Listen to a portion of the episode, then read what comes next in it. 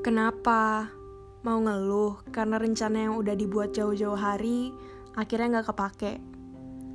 Atau hasil usaha selama ini nggak sesuai ekspektasi? Hmm, atau karena hari ini harus tidur malam lagi, bahkan pagi, karena tanggung jawab atau tugas kamu? Udah, tutup mata dulu.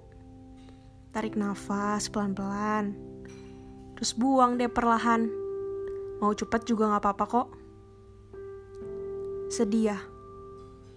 Kalau kamu mau keluarin juga gak apa-apa. Gak usah malu-malu.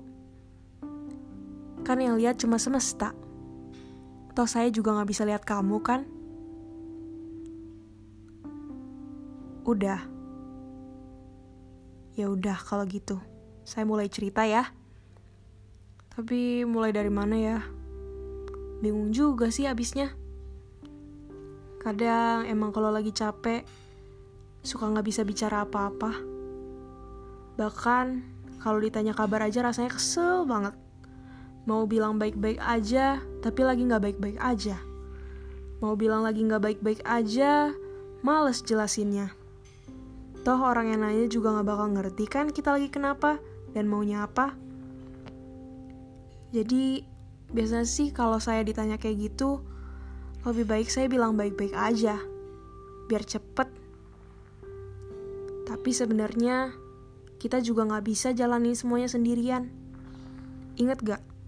Dulu waktu SD, kalau ulangan pasti ada aja pertanyaan yang kayak manusia adalah makhluk sosial karena titik-titik-titik. Pertanyaan kayak gitu tuh biasanya berulang kali ada di soal ulangan waktu SD yang kadang gak perlu baca soalnya lagi kita udah tahu jawabannya apa. Ya apalagi, kita itu kan butuh bantuan orang, dan gak bisa ngelakuin semuanya sendirian. Ya jadi pasti jawabannya, karena manusia butuh bantuan orang lain dan gak bisa ngelakuin semuanya sendirian. Eh, tapi ngomong-ngomong, lucu juga ya kalau ingat-ingat masa kecil. Pikirinnya cuma diisi sama main, main, main, dan main. Gak mikirin yang namanya utang, tugas numpuk, kerja numpuk, dikejar deadline. Berantem juga paling berantemin, berantemin apa sih?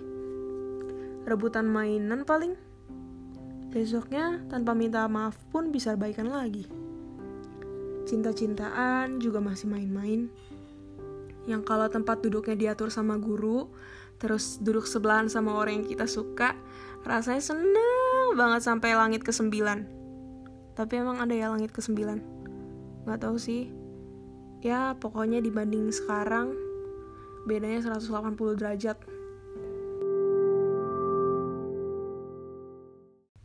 Ini pertanyaan yang lumayan klise sih. Kalau kalian disuruh pilih mending balik ke masa lalu atau pergi ke masa depan?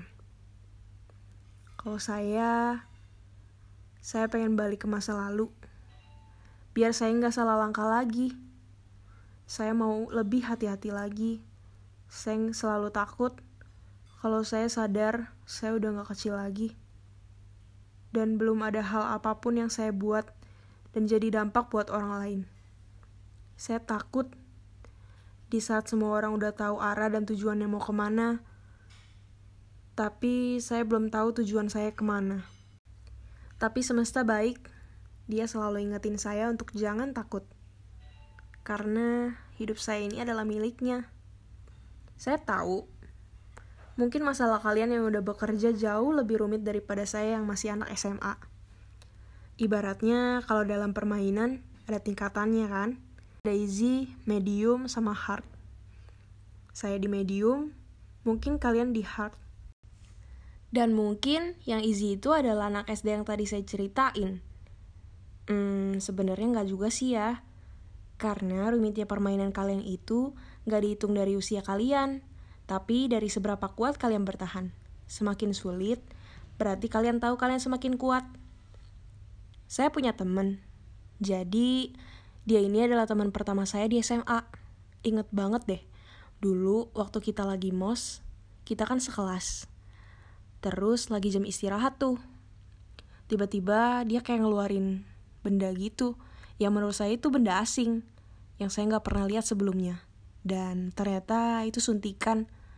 Tiba-tiba dia keluarin suntikan itu dan dia tusuk perutnya. Saya yang gak tahu apa-apa, saya tanya aja sama dia.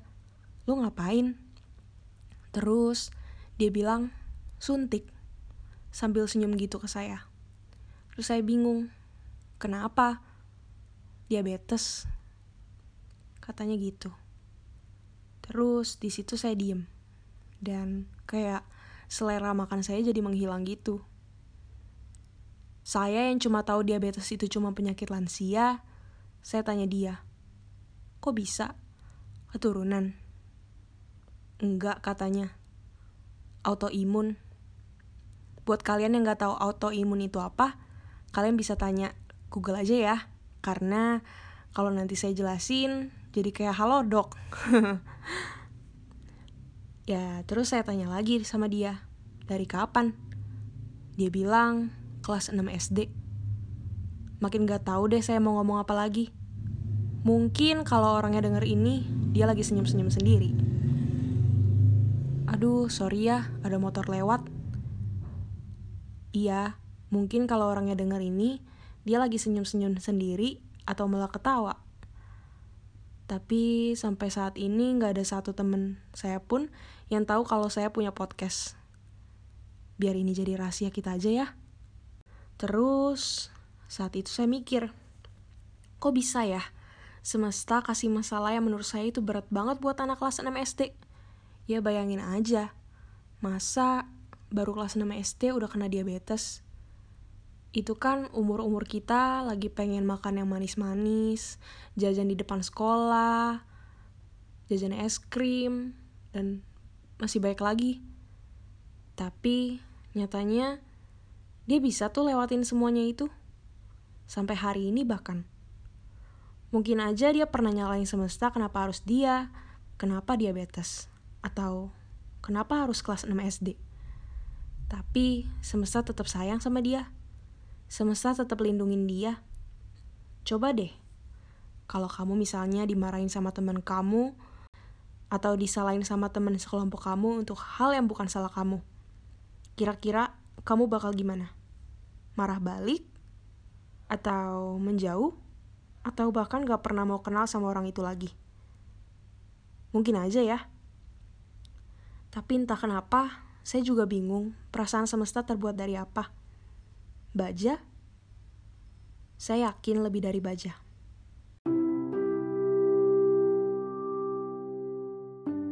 Saya tahu kita semua gak akan pernah bisa sama sempurnanya sama semesta.